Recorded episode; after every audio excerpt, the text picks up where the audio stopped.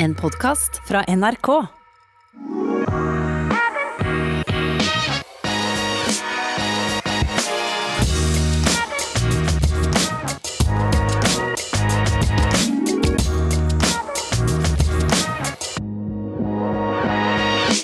Hjertelig velkommen skal du være. Dette er en ny episode av I det lange løp. Vi ruller på videre, vi. Selv om eh, vi har kommet oss godt inn i eh, kanskje den tyngste løpemåneden, eh, januar.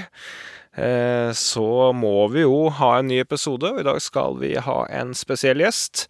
Den herlige og imponerende Vera Nystad på 75 år, som nylig satte verdensrekord i sin klasse under en halvkald dag i Ålesund. Eh, Vi hadde jo lite intervju i forrige episode om eh, rekordløpet, men vi var jo så imponert at vi måtte rett og slett ta en lang prat om hvordan hun startet å løpe, eh, hva slags løp hun har løpt, hva hun tenker om framtiden, hva tenker hun om karbonsko. Altså, her er det så mye å ta opp, så det er bare å, å glede seg. Men før det, eh, Christian Ulriksen, eh, jeg har hatt en aldeles håpløs treningsuke. Eh, hvordan går det med deg? Nei, for egen del så går det litt som med, aksjekurser og med bitcoin for øyeblikket. Vi er i kraftig stigning. Vi tar en 3-4-5% per dag nå, så humøret er òg på vei opp. For det om vi har noen, noen andre fartsdumper i livet, så er faktisk treninga der, der går det fremover. Jeg har vært, tror jeg hadde ti økter der forrige uka. og... Eh, Vekta kryper litt nedover og humøret oppover. Og eh, i det hele tatt så er det lenge siden jeg har vært såpass eh, på, på oppsida som vi er i dag. Ti økter, det må være en stund siden du har hatt i løpet av en uke. Ja, jeg fikk jo skjelt ut av der gode Stola Sakshaug i et par episoder, men jeg har faktisk vært dønn ærlig på to ganger på ellipsemaskin der på enkelte dager òg, så det har skjedd ting. Og så har det jo dukka opp en par brukbare TV-program også som det går an å ha på mobiltelefonen mens man står på det hersens apparatet, så eh, 45 minutter det går brukbart fort nå. Ja, la meg gjette. Altså, det var altså premiere eh, på en serie om en mann som eh, har trent mer enn de fleste eh, denne uka på NRK. Første episode gikk vel rett etter Idrettsgallaen. Eh, Sundby mot verden, kan det være den? Ja da. Jeg skal ganske tidlig melde at jeg har jo vært stor Petter Northug-fan i, ganske mange år. Og hadde en, en periode der når Northug var på sitt beste, at jeg ikke var den, den største fan av Hans Sundby. Men eh, av norske idrettsutøvere gjennom tidene som har fått mer ut av en kropp og, og brukt fasiliteter bedre enn han Sundby, så er eneste jeg kommer på, må være han Klaus Lundekvam. For det der han Sundby har holdt på med nå i en 15-20 år, det er sinnssykt imponerende. Jeg har alltid hatt eh, enorm respekt for den jobben han har eh, lagt ned. Jeg har snakket med mange i langrennssirkuset òg og vet eh, litt om hvordan han driver. Parallelt med familie, at han i hele tatt får dette her sammen. Det har vært snakk om over 1000 timer i mange av disse årene. Han står opp om morgenen, han leverer jobben, og han var jo en periode verdens beste langrennsløper. Altså, han raska inn verdenscupseier på verdenscupseier. Han vant verdenscupen sammenlagt, han vant Tour de Ski flere ganger. Altså, han var helt der oppe, og så lykkes han endelig med dette VM-gullet i forrige VM.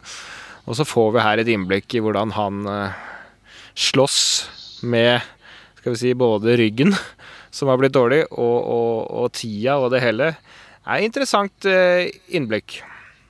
Ja, jeg er svært spent på, på, videre i serien her. Det er klart han broren der han er også en, en unik mann og som viser på en måte at individuell idrett, der, der skal man ha et lag rundt seg der òg. Det å lykkes helt alene, det er søkk umulig. Er så, du kan snakke om Magnus Carlsen i sjakk, og du kan se han Sundby, og det finnes mange eksempler. men og Sundby har et, funnet en, en melodi og, og, sin måte. og Så skal man huske på når man diskuterer de største skilegendene. og så det han Northug gjorde der i junior-VM, og sånn, det er det ingen som har gjort før eller, eller etter han. Og, og Northug han hadde en par andre ting. Om, om, det kommer rett og slett fra himmelen, eller om det var trent, det, det skal jeg ikke si på. Men, men han Sundby han har ikke fått mye gratis. Han har mest sannsynlig hatt ei dame her som har vært villig til å, å stå i noe som, som sikkert få andre har klart å stå i.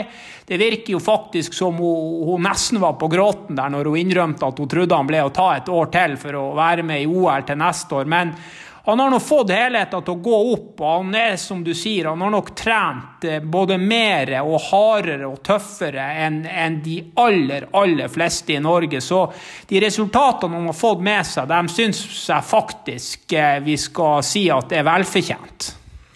Og det jeg kan si om denne serien, er at han selv har vært 100% innstilt på å, å, levere i den serien, så jeg vet det kommer flere godbiter. Jeg har sett uh, flere scener som dere ikke har fått sett ennå, så det er bare å glede seg. Og så dagen etter at denne podkasten kommer ut, så starter jo NM på ski i Granåsen etter planen. Der skal han uh, bl.a. gå tremila med fellesstart med skibytte. En av hans beste øvelser opp igjennom. Der håper han på mirakuløst vis å prøve å kvalifisere til VM på mer enn én øvelse som han er forhåndskvalifisert for. Eh, det står mye på spill oppe i Trondheim, så det kan bli mye snakk om Sundby denne uka. Men du, vi må tilbake til løping. Eh, det er jo ikke så mange norske løp å snakke om for tida, men på din tidligere hjemmebane oppe i Tromsø så har det jo skjedd eh, saker og ting. Mørketidsløpet med ja, var det 800 løpere. 200 eh, i grupper fordelt utover hele dagen. 25 og 25 løpere løp ut på ulike distanser. Det var jo maraton for første gang eh, der oppe midt på vinteren. Eh, men de velkjente 10 km og halvmaraton som det har holdt høyt nivå de siste årene, gikk av stabelen. Og jeg leser altså i avisene, hvis man skal tro på dem, at det var bar asfalt oppe i Tromsø for første gang på 86 år, eller hva det var, på denne tida. Det ble jo selvfølgelig rekorder. Ja, altså, jeg har jo eh, ærlige foreldre, så jeg måtte jo ringe opp og spørre om, eh, om det er sånn at det er asfalt og det skal gå et mørketidsløp. Og, og begge to bekrefta at snø det finnes det ikke, og, og jeg så på nyhetene at det var snø i Madrid. så... Eh, hvis eh, man skal være klimaflyktning, så er det jo mulig man faktisk må flytte tilbake igjen til Tromsø. Så eh, vi får se litt hvordan det utvikler seg, men de forholdene de fikk i år, dem eh, får de sikkert aldri igjen. Og det ble selvfølgelig løyperekorder. Han gamle legenden der oppe, Glenn Thomas Martinsen, han hadde jo rekord både på 10 km og halvmaraton og hadde sprunget styggfort i et elendig vær oppe på, på sne i, i, ja, i piggsko og litt sånn. Men det er klart at når han Lomos og han godeste Sebastian fikk bar asfalt og, og, nye karbonsko, så måtte de der rekordene ryke. Og jeg tipper at det er vanskelig å springe fortere enn 1.08,30 på sne. Da, vi, da må vi omtrent hente opp han Sondre ditt. Sebastian Konrad Håkansson, som nylig var gjest i denne podkasten, han løp jo en trippel i jula der, men var ikke sliten av det, og dro til Tromsø og løp 1.08 på bar asfalt. Lomås 1.30 på, på mila, og også tidligere gjest i denne podkasten, Yngvild Caspersen, med en ny løyperekord for kvinner på halvmaraton 1.18. Så folk er i brukbar rute nordpå. Det som er eh, interessant, Christian, er jo Samtidig som man leser at det er bar asfalt i, i Tromsø, så leste jeg med en kar nå ute ved Stad, Måløy-området der, som ikke fikk løs bilen sin i løssnøen eh, på morgenen her. Var det vel dette i en halvmeter snø. Sjanseløst. Og han eh, jobba på en eller annen ferje eller hva det var. Så um, denne Alexander eh, Blålid, han, han skjønte det var bare én ting å gjøre. Her var det å få på seg eh, tightsen. Eh, og refleksvesten og bare jogge til jobb 24 km. Det er eh, god trim i det. Ja, det er, det er, svingninger både i temperatur, humør og korona og det meste for øyeblikket. Jeg er litt usikker på hva som foregår. Noe sånn stor miljødebatt tror jeg verken du eller jeg har kunnskap for å ta inn over oss. Men at det er litt variasjoner i det ene og det andre, det er helt sikkert. Ja, ting ikke er helt på normalen værmessig i det landet akkurat nå. Det kan vi, vel, eh, kan vi vel faktisk slå fast. Eh, hva som er årsaken, det skal vi ikke legge oss opp til. Legge oss opp Nei. Men det er tørt både på ellipsemaskin og på eh, den beryktede tredemølla. Så det er egentlig bare å stå på morgenen, få seg en kaffe og komme seg ned i den bua der før man får tenkt så mye. Og så begynner jobben derifra. Lytterspørsmål. En eh, kar her som har flytta til Brumunddal og mener det er veldig kupert der. Eh, det er enkelt og greit ingen veldig flate traseer å løpe. Det går liksom oppover i uansett eh, retning som gjør at i hans nåværende form, så rundt to timer på halvmaraton, så klarer han ikke å løpe rolige turer i en I2 uten å måtte gå, gå visse partier, hvis han ikke skal falle inn i I3. Eh, problemet dukker opp når han skal ha intervaller, da, fartslekk og lignende. Det blir vanskelig å løpe 1000 meter i planlagt halvmaratonfart når det stadig kommer motbakker, og nedover igjen blir det eh, overfart og høy belastning på knær osv. Så, han lurer på da om vi har noen tips til hvordan man eh, burde legge opp trening i kuperte områder. Det skal sies at han har en flat 1000-meterstrekke som han kan løpe fram og tilbake, og en utendørsbane litt bortafor der han bor, så eh, det gir jo noen muligheter på noen økter. Har du noen forslag her? Ja, guttene som er i Kenya, de har akkurat samme problemet. Og stort sett alle som er der oppe, blir bedre og bedre for hvert år. Så jeg tror det å trene litt kupert underlag, det tror jeg egentlig er mer positivt enn det er negativt. Men det, han får kjøre de intervallene, noen tusenmetere, kanskje noen 500-metersdrag på den flate strekninga. Så får han rett og slett ta på seg et pulsbånd og så kjøre noen sånne kuperte, sammenhengende turer der man springer på følelsen, og når det går litt slakt nedover, så springer man litt fortere, og når det går oppover, så tar man det litt mer mer rolig. Det, den farta den tror jeg ikke han skal bry seg så mye om. Og underlaget som er nå med litt sne av og til, og sånn gjør òg at det ikke er så mye sammenligningsgrunnlag. Så jeg tror bare han her skal tenke på å få seg fire gode måneder på rad. Og så når eh, forhåpentligvis sommeren kommer og det kommer noen flate konkurranser, så er han klar for det. Ja, hvis vi går litt konkret til verks, så kan jeg, jeg er jo enig i det du sier her. Jeg vil foreslå én intervall i uka der han bruker den 1000-metersrekka eller banen, eh, hvor han kan løpe litt eh, korte drag fra ja, fra 45 sekunder til 1 eh, km. Og få en samlet, samlet økt på, på, 30 minutter der. Og så vil jeg foreslå en, en, en sammenhengende hardøkt, hvor han bare kan løpe sammenhengende i det kuperte terrenget. Da vil det bli litt sånn fartslekvariant, fordi han det vil kjennes litt hardere ut uh, oppover. Og så fylle Hvis han ikke skviser sitronen nedover, så vil det gi litt hvile. Men det blir en fin, sammenhengende økt. Men da må man være obs på at det er en hardøkt. Og, det koster, ja, og det koster litt. Og hvis ja. han da i tillegg løper en, en langtur i dette litt sånn kuperte terrenget, så har du tre veldig fine økter, og så får han bare ta det litt med ro uh, på turene utover det. Og hvis man må gå en bakke, så er ikke det verdens undergang, tenker jeg, på en av de aller roligste turene. Men hvis man liksom skviser i tre og blir løpende halvhardt på absolutt alle økter, så, så, blir det selvfølgelig farlig. Men at han, at han kan bruke dette kuperte terrenget på to-tre økter i uka, uh, som da blir ganske hardt, det, det lar seg gjøre. Ja, helt klart. Og så skal jeg huske på at f.eks. oppe i Kenya, de guttene som ikke er gode nok til å ha trenere og springe profesjonelt, de springer fartslek to ganger i uka på tirsdag og torsdager. Det er i helt kupert løype, det òg. Der springer de på minutt på og av. Så det der er Man må bare bruke hodet, ikke la seg stresse over den klokka. Så tenke litt på samme måten som en skiløper som går i konkurranseløypa. Det kommer oppoverbakker og nedoverbakker, så må man bruke terrenget deretter.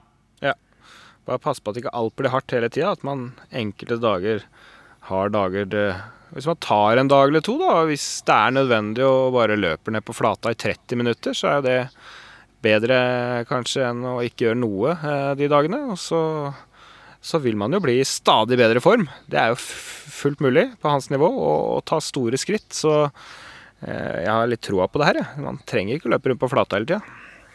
Nei, nei, nei, det er jo masse folk som springer masse kupert rundt om i verden, og som er blitt stygge å springe. Det finnes folk fra Australia som har sprunget langt under to tid på maraton for 30 år siden, som drev og sprang kuperte løyper hele tida. Så det, det her blir å gå seg til. Man må bare se positivt på det, at terrenget gir god trening. Du, vi skal ut i verden en tur. Vi må diskutere noe som skjedde i Japan rundt uh, nyttår, da. Der er det altså et par uh, stafetter. De har en sånn nyttårsekiden. Ekiden er jo et slags japansk ord for stafett. Den er for profesjonelle, kommersielle lag. Men det er ikke det største som skjer, selv om de kanskje beste utøverne løper der. Det er en uh, stafett for universiteter. Hakone Ekiden. Som totalt sett er litt over 210 km. Eh, 217 km tror jeg det er totalt over ti etapper. Den går over to dager, denne stafetten her. Og den har altså eh, TV-tall som er helt unike. Over 30% av japanerne som ser på TV, sitter og glor på denne stafetten, som er over 200 km lang. Enorm prestisje. Det hevdes fra de som kjenner til japansk løping, at å, delta der er, er, nesten større for utøverne enn å løpe i OL. Og i normale år uten eh, korona så må du omtrent campe langs løypa for å komme inn til gjerdet. Det er også tjukt med publikum overalt, og et folkeliv av dimensjoner. Og utøverne de gir absolutt maks, og forklarer jo hvorfor Japan har veldig, veldig mange gode utøvere på halvmaraton.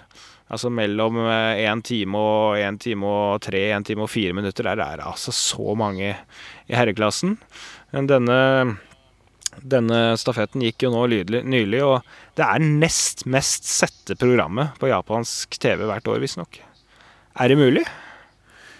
Ja, det sier jo litt om hvorfor lagidrett også er, den, er de største idrettene i verden. Altså det, det, sier noe om fotball, det sier noe om den følelsen av å være en del av ei gruppe. Det sier noe om sånn Eh, ja, folk som står og ser på, som har relasjoner inn. Kanskje de går på samme universitetet som guttene springer eller jentene springer for. Altså, det er mange måter å, å, gjøre løping og for så vidt langrenn til en, en mer en, en, lagidrett eller en, på en måte en større sammensveisa greie enn at det er hver mann mot hverandre bestandig. Og så har de vært innovative i Japan òg. De har på en måte skjønt hvordan de skal få store selskap og, business, og for så vidt universitet rundt det her, sånn at arenaen for utøverne blir størst mulig. Og det er klart at, som du sier, hvis du er på universitetet og du kommer med på laget, så er du for det første så er du på nasjonal TV, og for det andre så bærer du hele skolen på ryggen for å gjøre det best mulig i det løpet. Så da blir også treninga inn og ut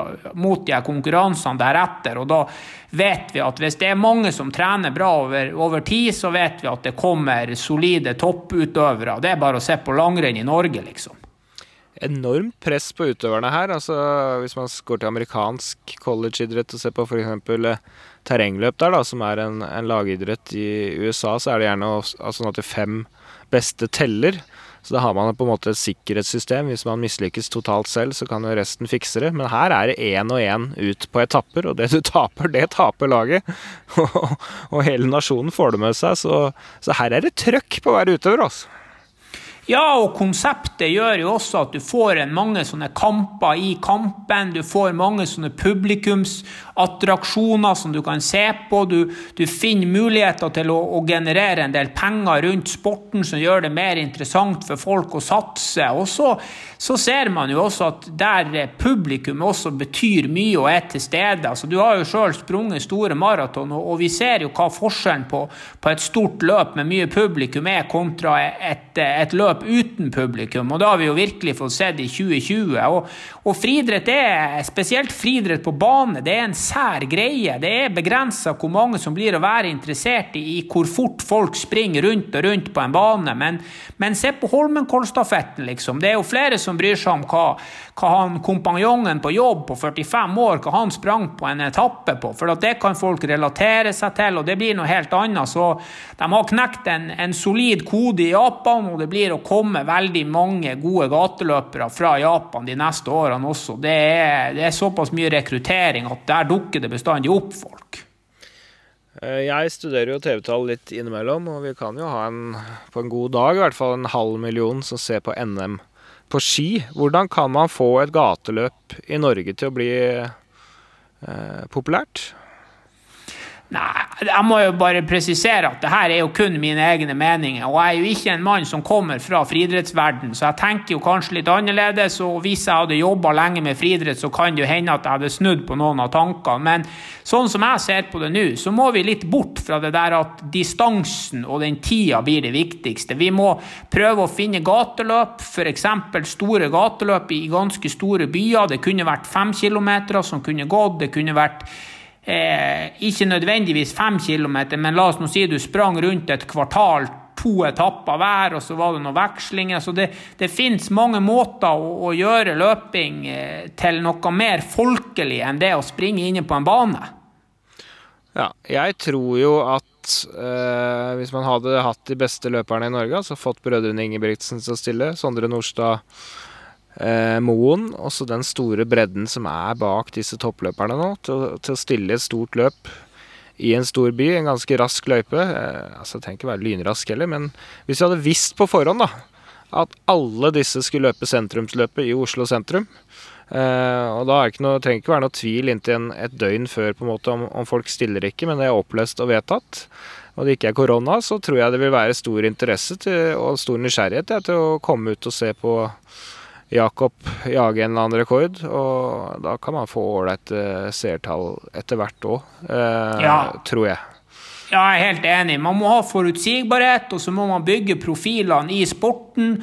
Og bygge profiler, det skjer jo selvfølgelig på, på best mulig måte, så skjer jo det på TV, men også i forkant. Og, og det å være åpen om at ok, om to uker så skal alle møtes der, og alle skal springe, det gjør på en måte også at du får bygd opp en viss interesse i forkant. Og, og så skjønner man jo at, at, for en person som han Jakob, så er Diamond League på en måte første prioritering. Og så når det er mesterskap, så blir det jo også deretter. Men, men det å, å, bygge opp et sånn cupsystem, eller bygge opp en sånn eh, mer en sånn arena der alle deltar regelmessig, det ser vi jo på en måte både på skandinavisk cup og på norgescup på ski.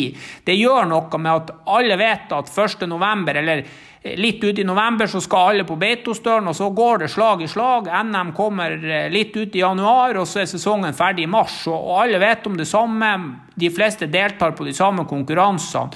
Da blir det også mye lettere for TV og for sponsorer å være med. Altså, la oss tenke oss at uh, Jakob tar medalje i OL. Uh, I beste fall gull. Det, det kan skje. Uh, og så kommer hjem. hva med å løpe et gateløp på, på hjemmebane i Sandnes-Stavanger-området for å hylle han? Jeg tror folk vil dra seg ut i gatene da. Og jeg vet media vil være interessert etter, etter, et, etter en medalje i et OL. Eh, av en norsk eh, ung, lovende løper, da, da står verden litt eh, på huet.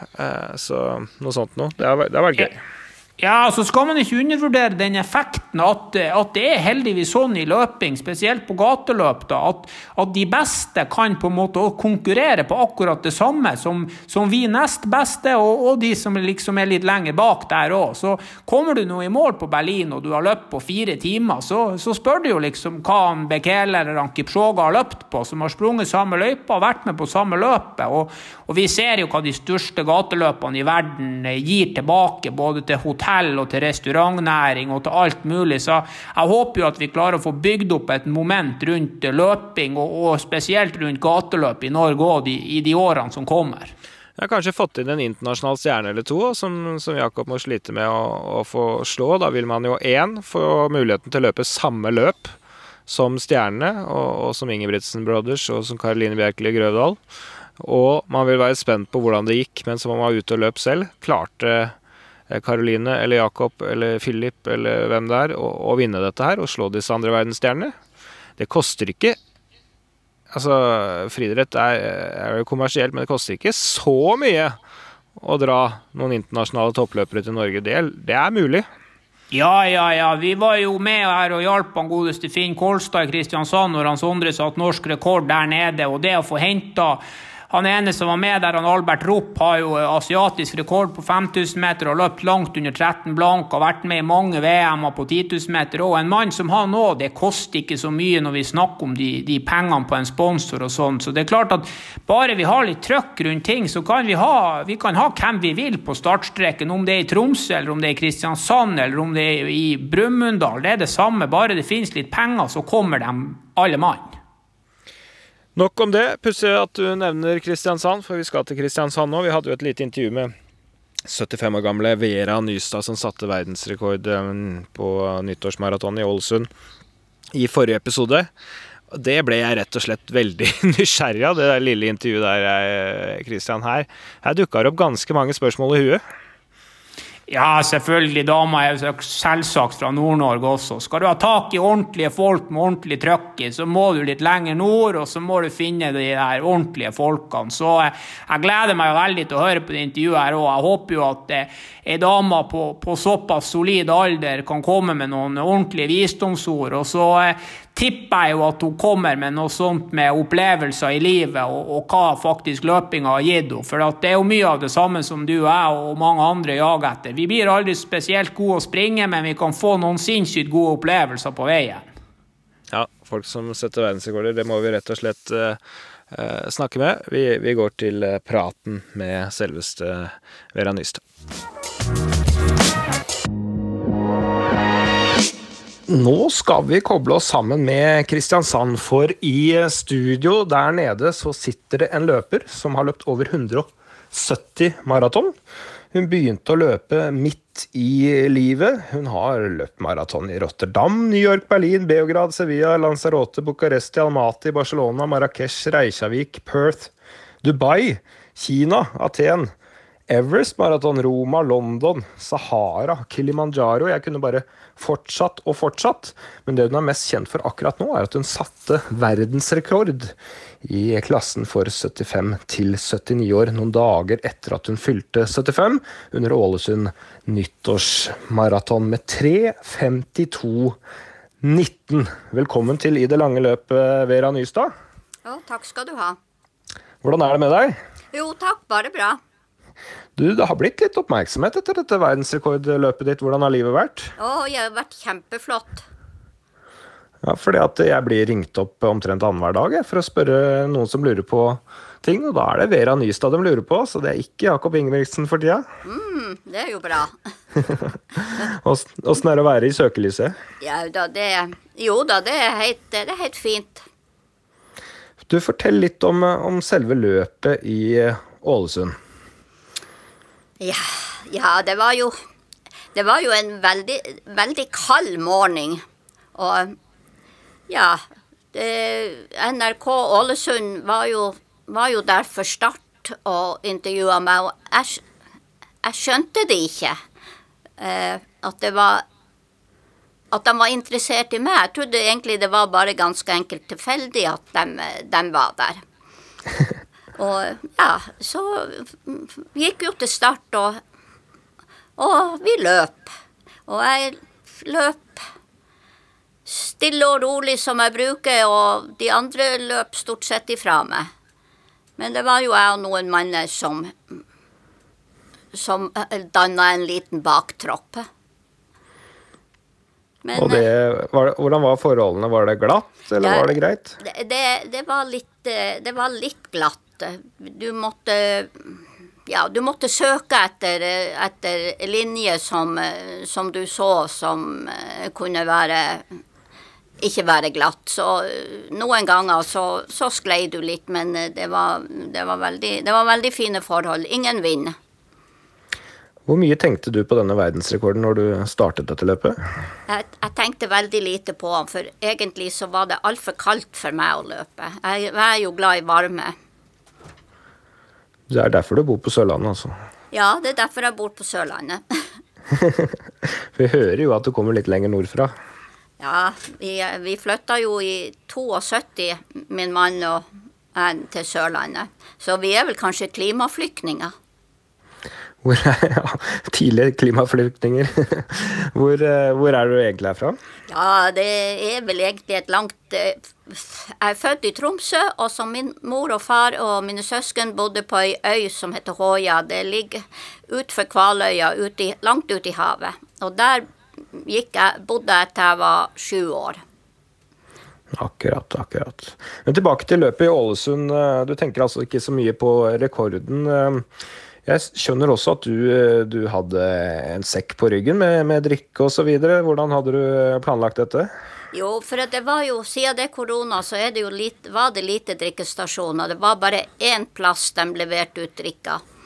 Og, og så, det, så, kunne du sette ut drikka sjøl, men når du kommer med fly, så kan du ikke leie drosjer for å kjøre og sette ut drikka og, og, og sånt. Så jeg tenkte jeg tar en drikkesekk med meg, for da kan jeg ha, ha noe å drikke underveis, for drikka må du ha.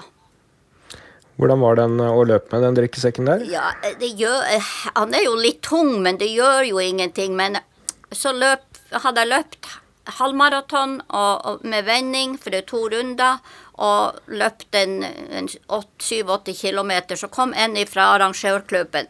Og så kjørende i bil, og så ser han på meg, og så sier han 'Løper du med drikkesekk? Av med den!' og av med sekken, og, og, og, da fulgte han meg hele veien. Han kjørte hver kilometer, og så når, når jeg kom til en kilometer, så, så hadde han drikkeflaska klar og ga meg drikke. Og jeg tror aldri jeg hadde greid greid det uten hans oppbakking. Så det, han kom akkurat i tide. Det var jo bra. Ja, det var kjempebra. Men når du løper der, er du sånn som følger nøye med på klokka, vet akkurat hvordan du ligger an, så du skjønte at dette nærmet seg verdensrekord? Nei, jeg gjør det aldri. Jeg, jeg, jeg, gjør det aldri. Egentlig så er det stort sett kroppen min som bestemmer hvor fort jeg skal løpe. Det hørtes litt lurt ut. Du glimter ikke ned på klokka halvveis engang? Jeg, jeg, jeg ser jo hva jeg har i, i kilometertid, så hver gang klokka mi plinger på en kilometer, så, så, ser jeg jo på OK, nå har jeg brukt så mange minutter på den kilometeren eh, og, og, og sånn, men jeg vil ikke si at jeg, om jeg løp, bruker seks minutter på en kilometer, så prøver jeg ikke å, å, å bruke fem på neste for å få bedre tid.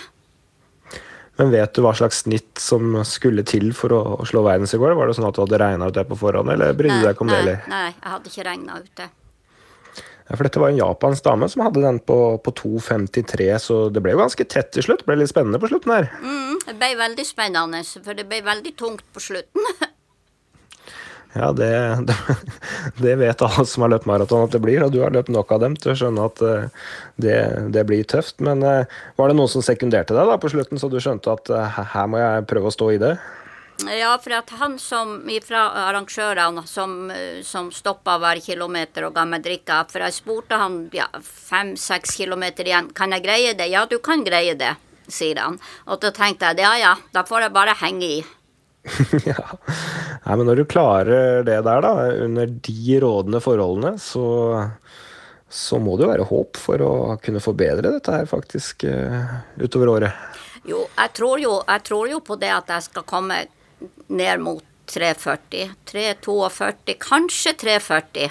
Jeg løper jo i, i mars, så løper jeg på 340 i Sevilla. Så hvis nå verden får bukt med koronaen og det blir løp igjen, så, så tror jeg nok på ei sånn god løype som i Sevilla eller Barcelona, Berlin, at jeg kan komme. Selv i, i Berlin, der har jeg aldri løpt godt. Nei, du har jo vært der noen ganger, har jeg sett. Men mm. du har til gode å, å treffe innertier, mener du? Nei, jeg har ikke Jeg, greier det ikke, selv om det er fantastisk, fantastisk løype. Ja, ja. Aldri, aldri gi opp. Det kan uh, sitte neste gang. Det er jo en uh, virkelig en by for å løpe fort, så en eller annen gang så kommer det til å sitte der òg. Får håpe det, kanskje. Hvis det åpnes opp til høsten.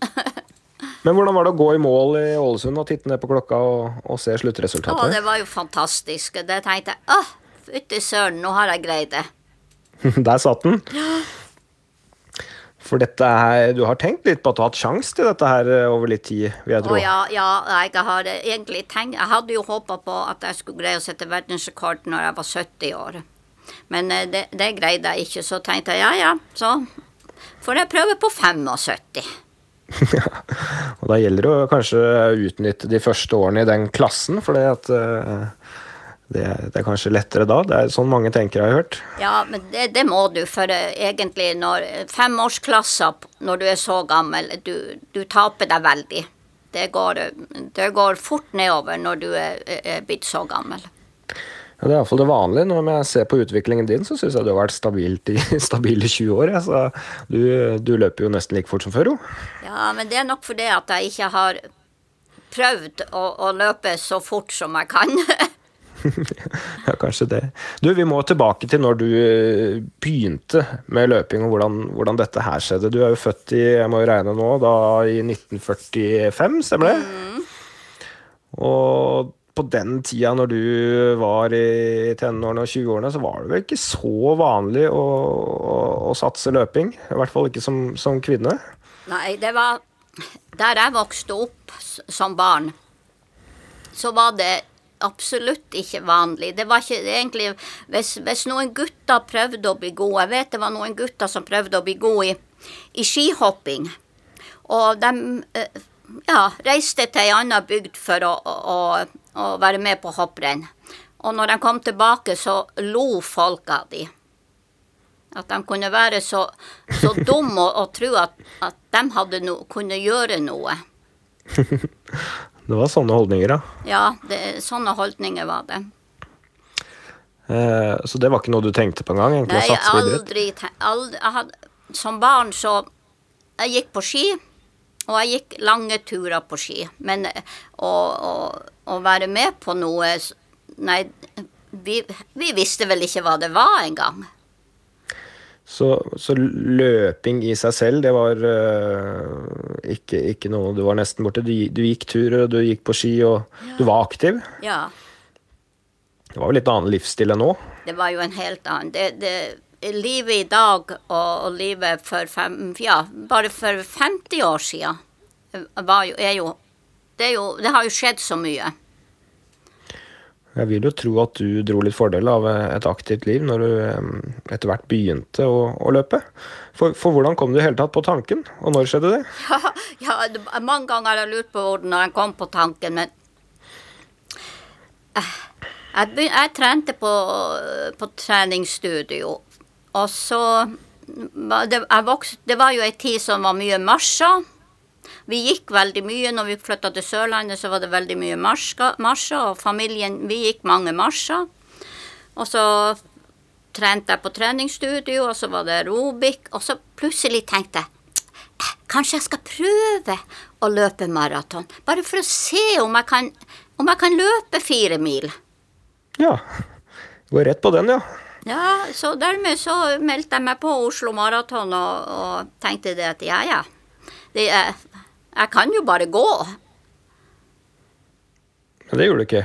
Nei da, jeg hadde, det, jeg hadde et strålende løp. Det var helt fantastisk. Jeg, jeg brukte fire timer og elleve minutter, og da prata jeg med et, mange dusin folk på veien og hadde det kjempegøy. Så bra. Men hvordan trente du da i forkant, da, etter at du hadde bestemt deg for å, for å løpe maraton? Ja, da, jeg, jeg løp tre mil i uka. Tre mil i uka, ja. Og fordelt over flere turer, eller var det en lang Nei, tur? det det var sikkert over ei hel uke, så løp jeg, så løp jeg tre mil. Ja. Over, ja. Og dette var da i 1988, var det det? Det var, var nok i, 80, jeg var nok i 87 jeg fant ut at jeg Så eh, 87, eller da halve 87 og halve 88, løp jeg tre mil i uka. Men eh, nå må jo si det at jeg var veldig sterk etter trening på treningsstudio og masse aerobic. Ja. Og så var jo dette en tid hvor uh, norske kvinner og, og langdistanseløping var litt i vinden. Uh, Grete Waitz tok jo VM-gull i 83, OL-sølv i 84. I 87 ble Inger Kristiansen verdensmester på, på 10 000, og de vant jo begge to store maraton og satte verdensrekorder om hverandre der. Uh, var du påvirka av det? Det var helt sikkert.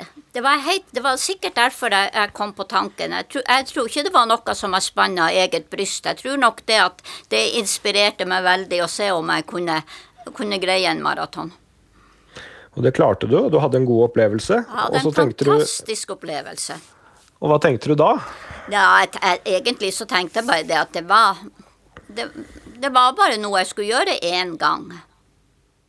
Ja, så feil kan man ta. Ja, så feil kan man ta.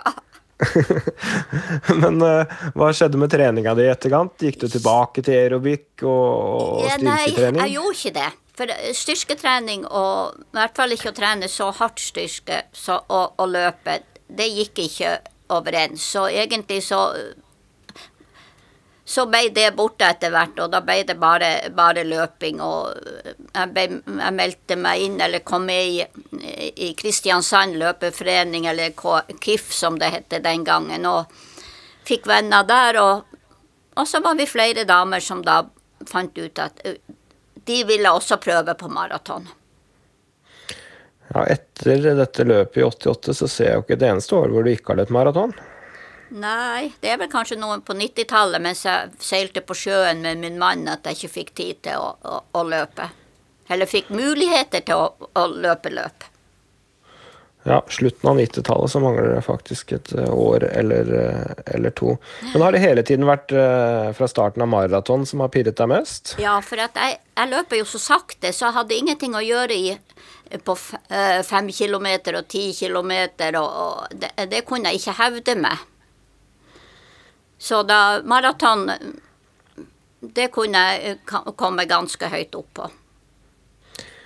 Du, du løp jo 3,40 i fjor. eh, Det kan du kanskje få til i år også, men, men hva er din personlige rekord? Mm, han er 3,19. 3,19, ja. Og hvor var det? Eh, Det var i Stavanger, på, i eh, Forhus heter det vel. Den heter vel Stavanger Maraton. Ja, OL-året 1994. Men det står en tid her som jeg ble litt nysgjerrig på. Oslo Maraton 1992. 3.13,32. Og så står det for kort løype. Ja, Hva skjedde der? Det, ja, det Vi var jo så lykkelige når vi kom i mål. Jeg hadde løpt på 3.13 og venninna mi på det samme. Og så får vi høre det at følgebilen hadde tatt oss feil, så det var én kilometer for kort. Ja, så der, eh, der var du egentlig på vei til eh, personlig rekord der. Ja da, var, vi var jo i, i himmelriket en, en halvtimes tid. Ja, sånn, eh, sånn kan det gå. Men eh, ja, ja. Men eh, hva vil du si at eh, løpingen begynte å bety for livet ditt da, utover 90-tallet der? For det begynner jo å bli flere og flere maraton. Ja, det, det begynte jo å bli stuereint å, løpe maraton. For vanligvis så Jøss, en, en maraton i året, det var liksom stuereint. Men noe mer, å nei, det, det går ikke an. Da ødelegger du det. Akkurat. Så, så, så folk eh, så litt rart på deg hvis du løp for mye, altså. Å ja, ja, ja, ja. Det, det, det var ikke helt Det var ikke stuereint å løpe, i hvert fall løpe mange maratoner. Hva, hva sa folk til deg da når du begynte å bli ivrig på dette her eh, godt ut i 40-årene? Nei, det var ingen som Ingen kommenterte det. Nei. Så det Folk syntes ikke det var moro, da? Det vet jeg ikke, for jeg hørte Jeg, jeg fikk veldig lite kommentarer. Ingen som sa noe. Nei, Det var ikke noen komplimenter å få. Nei, Nei da, det, sånn. det var veldig lite. Men jeg er jo også veldig nysgjerrig på, på Vera, hvordan er det du trener for å oppnå disse fantastiske tidene i, i den alderen du er? Ja, det, det er ikke noe hokus pokus. Jeg bare går ut om morgenen og, og løper mine ja, to mil. Og går hjem igjen. To mil hver dag? Ja, nei, jeg ligger på 100 km i uka. Så det blir, eh, det blir en, en fem turer i uka ca. Ja, jeg løper hver dag. Og like langt hver gang. Nei, eh, kanskje Kanskje mindre noen dager mer, men jeg løper bestandig 100 km i uka. Det er et bestemt mål. Hvorfor har du landet på akkurat den eh, distansen? Jo, jeg leste en gang, om det var Grete Waitz eller Ingrid Kristiansen som sa det, at hvis du ikke løper Hvis du, hvis du ikke, løper, eh, ikke løper intervaller, så skal det greie seg med 100 km i uka å løpe maraton. Ja, så det har du stolt på. Det har jeg stolt på. Du har litt erfaring, så du har skjønt kanskje på veien her at det fungerer bra òg. Ja da, eh, det, for meg fungerer det. Har du prøvd eh, å, å trene annerledes noen gang på, på veien her? Eh, Jo, jeg har jo vært borti litt intervaller og sånt, men eh, jeg er ikke noe glad i å løpe fort. Nei. Hvorfor ikke? Nei, du får vondt forskjellige plasser. ok. Så, så det gjør du helst ikke. Er, det stort sett samme farten på alle disse turene, eller tar du det til dagsformen? Eh, ja, jeg tar det etter dagsformen. Og da hvor, hvor Jeg spør litt sånn eh, detaljert her, for jeg blir nysgjerrig. Hvor, eh, hvordan er den farten sammenlignet med, med det du gjør på maraton, disse treningsturene? Den, den er i hvert fall ett minutt saktere på kilometeren. Så du tar det litt mer ro til daglig, ja, og så stepper du litt opp når du får eh, startnummer? Ja. Og så når jeg får noen å, å løpe sammen Jeg er egentlig veldig avhengig av å ha noen å henge på. At jeg ser noen foran meg. Ja. Og det får du i konkurranse. Ja. Men på trening, da? Er det noen som eh, er med deg på turene? Nei, det er ingen som vil opp klokka seks om morgenen for å løpe. Her, her må eh, lokalbefolkningen opp og nikke. Det er, det er flere som hadde godt av det, vet du. Komme seg opp og ut. Men jeg tror egentlig jeg er veldig fornøyd med å, å, å løpe alene.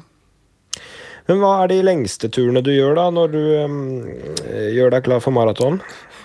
Egentlig så er det veldig sjelden Jeg kan ha en tremilstur og, og, og sånt, men egentlig så er det veldig sjelden jeg løper over to mil.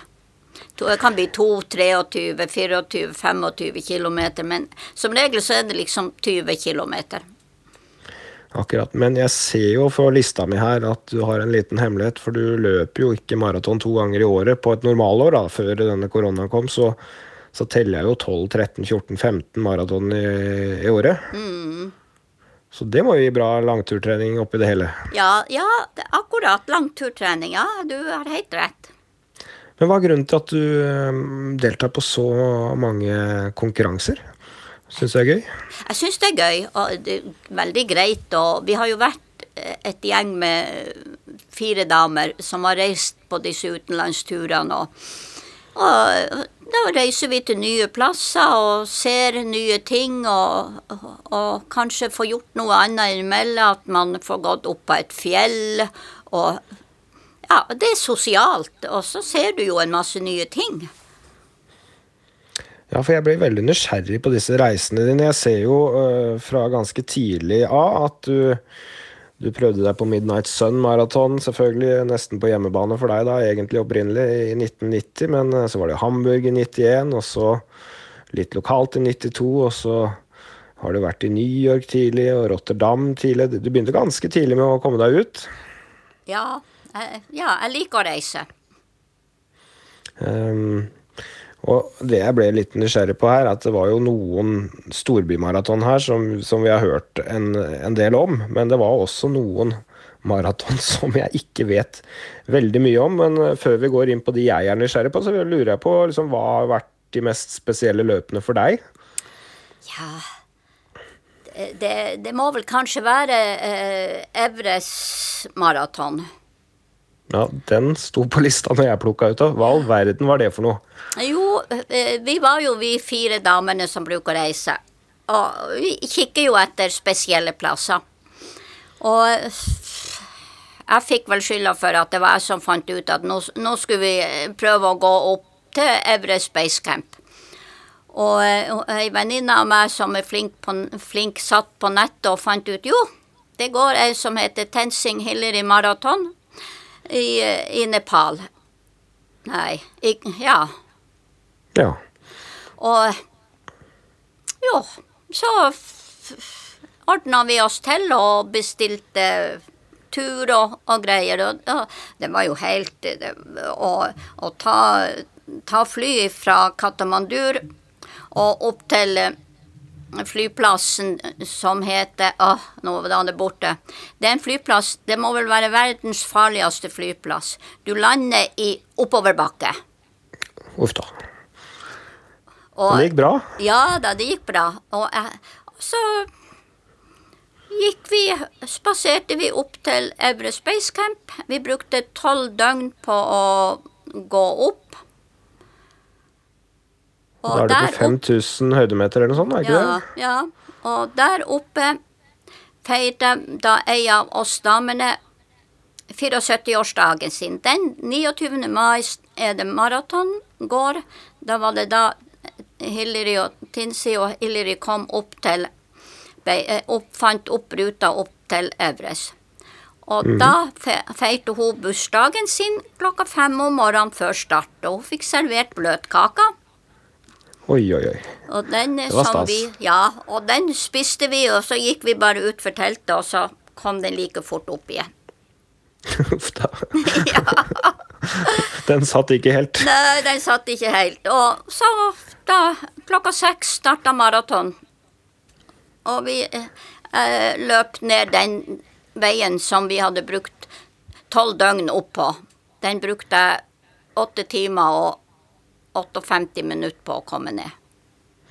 Hvordan er det å i det hele tatt løpe i den høyden der, for det er jo ikke så mye oksygen igjen? Nei, det, er, eh, det gikk veldig greit for oss. Det går veldig greit for oss eh, som ikke løper så fort. Jeg tror de som, jeg tror dem som vant, dem var nede på under, under fire timer. Ja. Men det var nepalesere.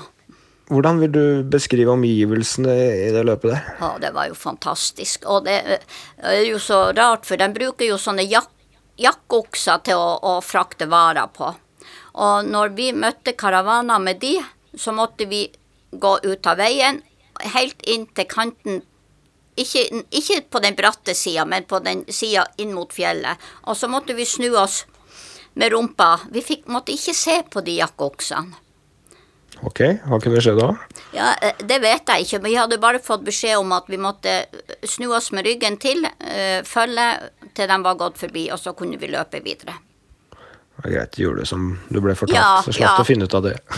Nei, jeg prøvde ikke på det. Ja, det må ha vært en veldig spesiell bursdag for din venninne der. Ja. Noe lignende kan du ikke ha opplevd mange ganger. Nei, det, tenk også feire eh, 74-årsdagen sin der oppe. Det, det, var jo en, en, en, fantastisk for oss, og fantastisk for, for de som arrangerte turen. Ja, Det var helt spinnvilt. Fantastisk. Du, eh, det må ha vært en utrolig opplevelse, men det var et par steder til jeg ble litt nysgjerrig på. En virker som en litt sånn motsetning til Everest Marathon, nemlig Sahara. Mm. Hvordan var det? det? Hva var det? Jo, det var, jeg skulle gjerne gjøre det igjen. Det var, det var fantastisk. For vi løper jo mellom flyktningleirene. Jeg, jeg tror nå Det er jo Vest-Sahara. Så det er jo et sosialt løp. Så vi tok fly ned til Algerie, blir det vel, og så bodde vi i telt hos flyktningene. Og, og, og, det, og, vi spiste den maten de ga oss, og, og sov på gulvet sammen med de. Mm. Det var det, det, er utrolig at uh, de har bodd inne i ørkenen. Jeg tror det er 50 000 mennesker som bor inne i ørkenen i tre forskjellige leirer. Ja. Ja, det var en spesiell oppladning. Ja, ja. Og, og løpet i, i, Sahara, det var uh, kjempefint. Ja, jeg ser jo bare for meg svære sanddyner og en haug av sand og blytungt å bevege seg på. Jeg syns jo det er tungt å løpe på stranda, ikke sant? Hvordan var dette her? Det, det, du, du, vi løp mye på traktorveier. Ok. Så og det gikk greit? Ja, så det For mange tok og teipa, teipa skoene sine. Tok masse teip rundt de for ikke å komme sand inni. Men det gjorde ikke jeg. Men det var ikke nødvendig, for uh, det var det, det, var helt fint å løpe. Det var ingen problem. Og hva med temperaturen? Uh, nei, det, det, var ganske det, det var ikke noe eh, varmt når vi starta klokka sju om morgenen. og du løper i singlet og var ikke noe høye temperaturer. Nei. Så det var rett og slett eh, Det gikk an, det der? Ja, det går godt an. Det var ingen problem. Du, En til eh, vi må innom her på lista som, eh, som jeg faktisk har på min ønskeliste en eller annen gang, og det er Great Wall Marathon. Altså på den kinesiske muren. Mm. Jeg har jo vært på den kinesiske muren, um, og det er jo noen trapper der, og det er noe voldsom kupering. Den er jo veldig lang, da, så det spørs hvor dette her går, men uh, jeg ser for meg at det her er noe ganske annet enn Berlin. Ja, det er jo Jeg, jeg, har jo hadde tenkt på Great Wall Marathon mange, mange ganger og hatt veldig lyst. Men jeg, jeg, jeg er jo ikke noe oppoverbakkeløper. Men så prøvde jeg meg på, på trappen inn i Flørli-trappen inn i Lysefjorden. Og det er jo 4444 trappetrinn opp. Og den takler jeg veldig godt. Så tenkte jeg ja, ja, da, da, da hører jeg med de her venninnene mine, om ikke de vil være med, så, så, løper, så tar vi greit Wall. Og de sa ja med en gang, og vi var klar for løp. Ja, og hvordan ble det? Det, det, var, det, det er jo en opplevelse. Det er jo det er veldig fine trapper å løpe i. Så vi løper vel to Først starter vi ø, opp noe asfaltgreier før vi kommer inn på muren. Og så er det vel ja ei ti kilometer på muren, og så løper vi ned en forferdelig skogsti. Og så ned på asfalten og en runde, og så tilbake igjen. Og så da er ti kilometer tilbake på muren. Så det er vel 20 kilometer 20 kilometer på muren. Ja.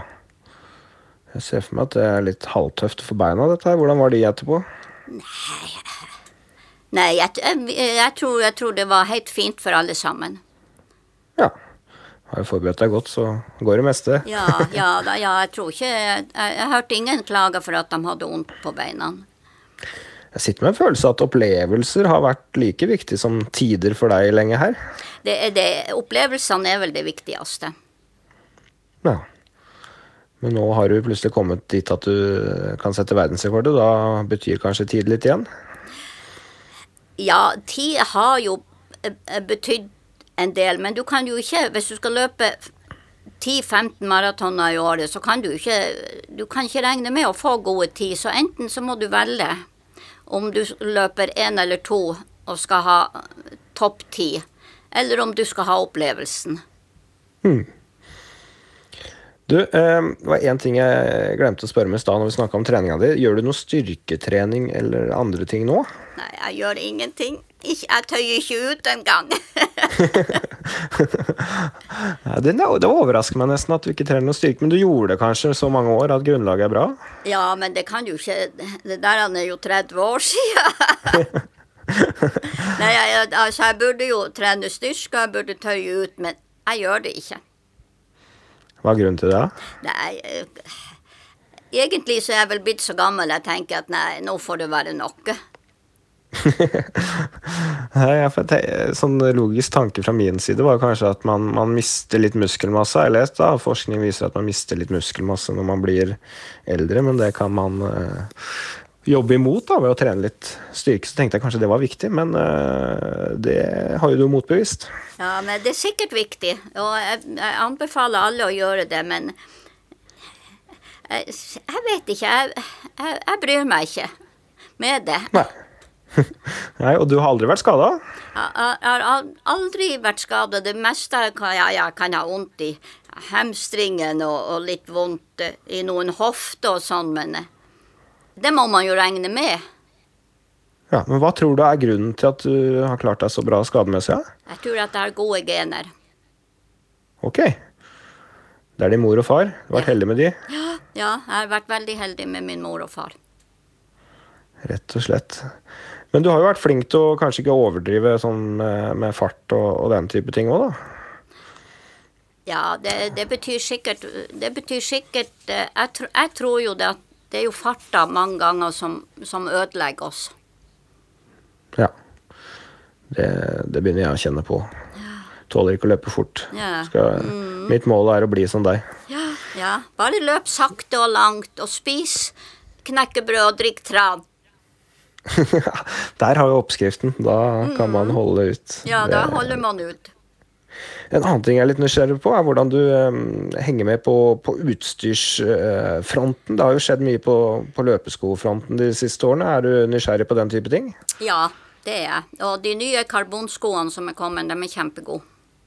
Du mener det, ja? Ja, jeg, jeg mener det. Jeg, jeg, jeg, har vært veldig plaga med å få vondt under selve foten. Ja. Men disse nye skoene, de er veldig, veldig behagelige. Merker du at du har bedre bein på slutten av maraton? Ja. Man kan jo bli nysgjerrig på hva Grete Waitz Inge Kristiansen kunne klart i sånne sko.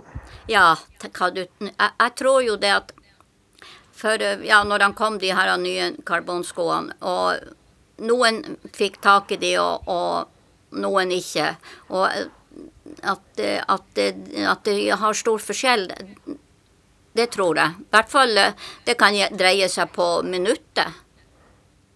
Ja. Men det er ingen som har sponsa deg med sko noen gang? Du kjøper disse sjøl? Bare min mann som kjøper sko til meg. det er en snill mann som ordner med sko. Han er, han er en bra sponsor. Han er en veldig bra sponsor. Det er bra. Men du, eh, du har jo ikke bare nøyd deg med maraton, du har jo prøvd deg på noen lengre varianter òg. Ja. Hva fikk deg til å gjøre det? Jo, det er jo sabla gøy å løpe langt, og det er kjempe, kjempegøy å løpe 24 timers løp. Men eh, jeg, jeg kan ikke beholde maten, og det, det er veldig, veldig synd at jeg ikke kan løpe eh, 24 timer. Du, du klarer ikke å beholde maten etter hvert, nei? Nei. Du blir kvalm? Ja, den kommer veldig fort opp igjen. Men du har prøvd Ja, på har 24 timer? Ja. Hvor langt kom du? Eh, jeg, løp i Århus, og da, da, skulle, da sa de det var verdensrekord. Og jeg var like til dopingkontroll. Oi! Og da løp jeg 183 km. Ja, du kom et stykke. du verden, hvor gammel var du da? Jeg, jeg tror jeg måtte være 66 år. Når man blir 66, da kan man løpe 24-timersløp, ja. Mm, da kan man gjøre det som man vil.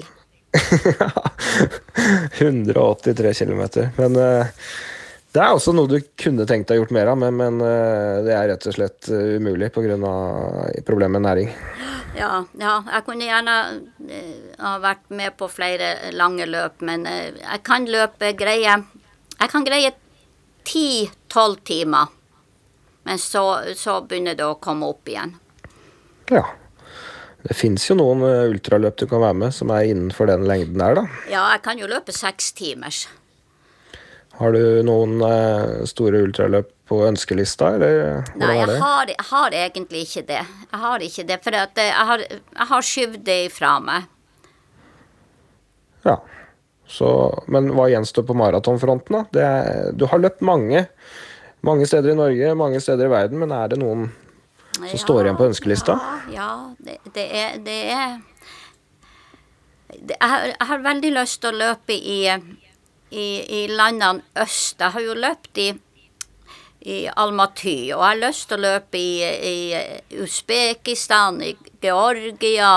Alle de landene har jeg lyst til å løpe i østover. Ja.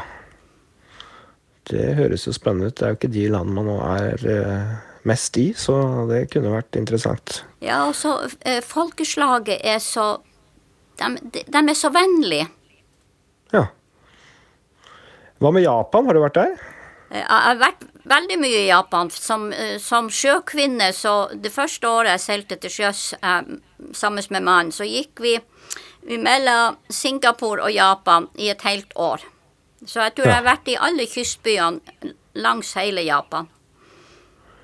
Akkurat. Men du har aldri løpt maraton der? Nei, og Tokyo maraton. det er umulig for en 75-åring å komme med i. For det eh, Grensa er vel på 3,30 for å, å, å, å kunne melde seg på. Ja. Ellers så er det bare uttrekking, og jeg prøvde da i, i fjor, og- men jeg ble ikke trukket ut. Nei, man skal ha litt tur der. Man skal det. Ja. Men det fins en del andre maratoner rundt i Japan, og de er jo De liker jo maraton ekstremt godt der nede, og du ville jo vært superstjerne. Så det der, eh, det der syns jeg du skal tenke på. ja, ja. Men så koster det jo så inni i hampen mye. Du får søke han sponsoren din, etter du, tre eksemplarer med rett Ja, kopistempel, så da. kanskje det går.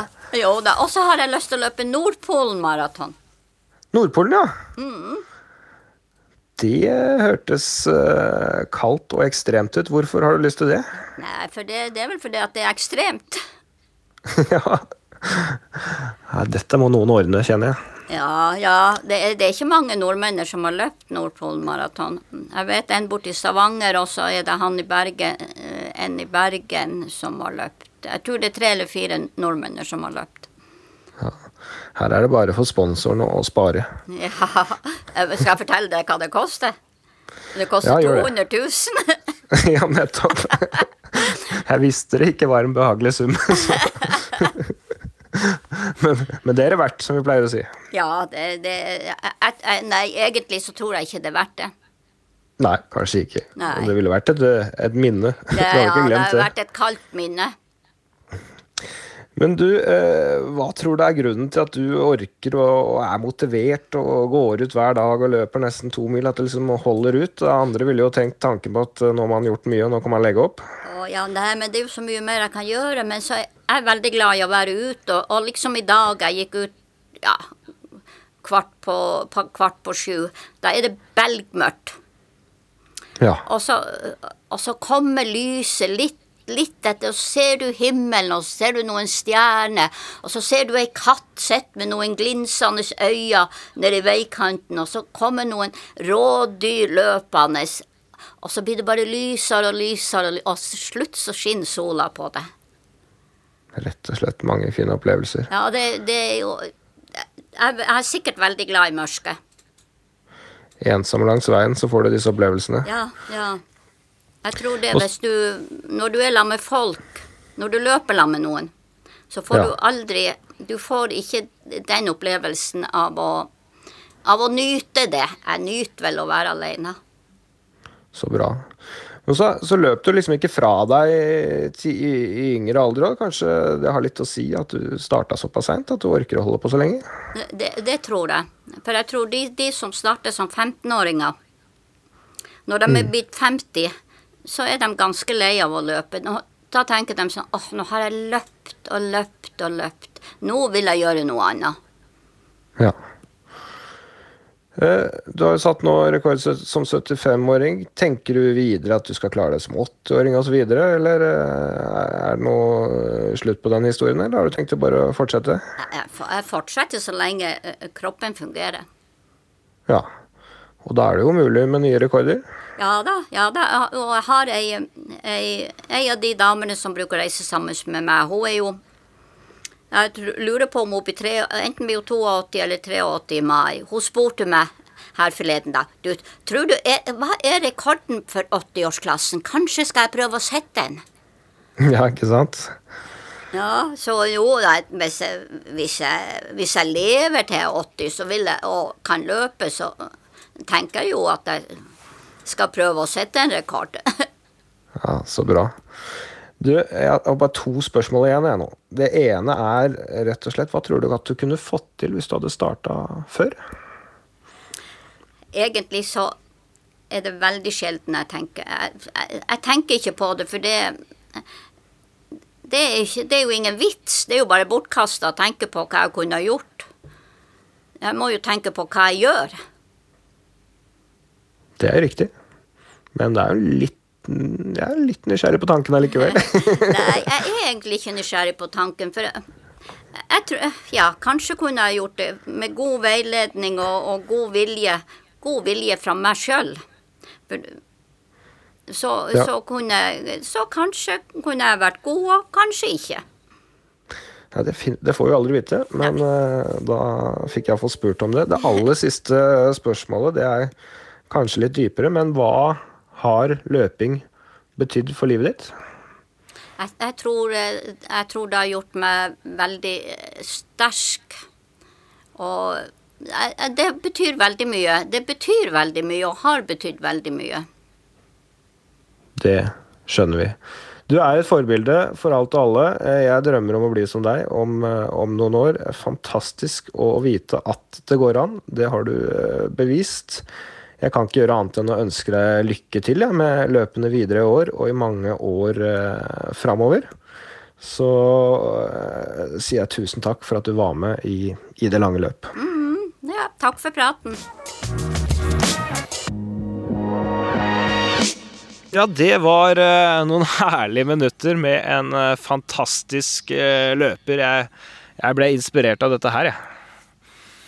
Ja, hun har reist verden rundt og hun har fått opplevd mye. Hun brydde seg ikke heller så mye om eventualiteter. Det var opp om morgenen og få løpt rundt 100 km, og hadde jo henta seg litt kunnskap underveis her etter ja, og 75 år. Da har du jo lært noe. Hun var, nevnte jo litt om Ingrid Kristiansen og Grete Waitz og litt 100 km i uka og sånn, så hun Vera har skjønt mye, og og hvis du er 75 år og har den løpe-CV-en hun har, ja, da, da skal vi være meget fornøyd. Ja, Hvis jeg feirer eh, 74-årsdagen til en kompis på basecamp i Everest eh, på morgenen før jeg skal løpe maraton der oppe, og gulper opp en bløtkake som blir servert, og, og legger i vei på 5000 meter over havet, da, da er jeg happy, altså.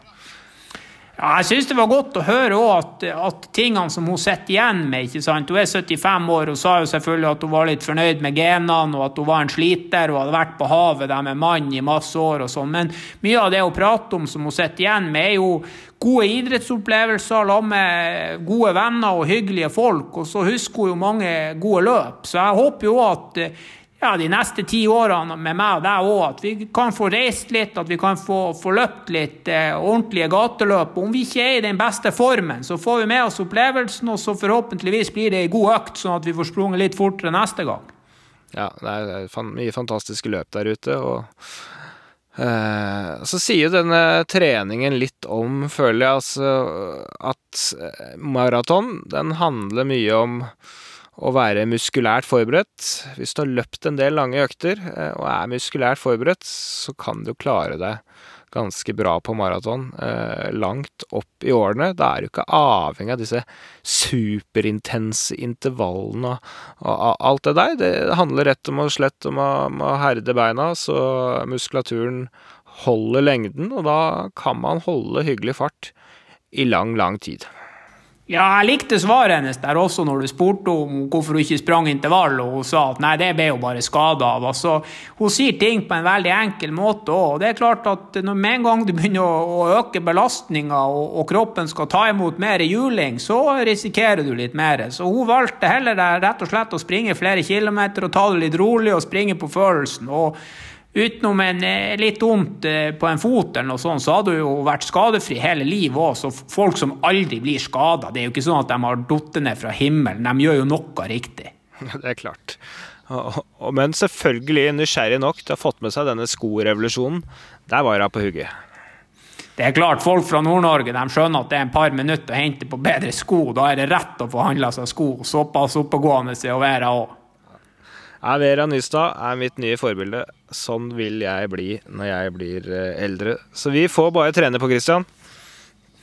Ja da, vi skal få slitt ut den ellipsemaskinen. Og så får vi håpe at rundt 1. mai så er vi eh, tilbake i rimelig god form og rimelig bra eh, matchvekt og i godt humør.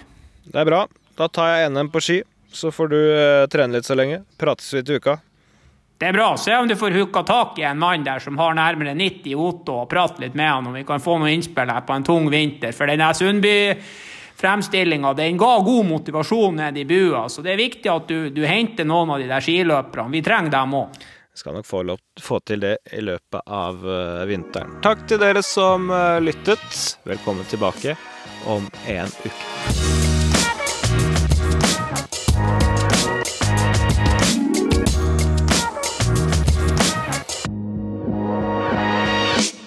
Du har hørt en podkast fra NRK. Hør flere podkaster og din NRK-kanal i appen NRK Radio.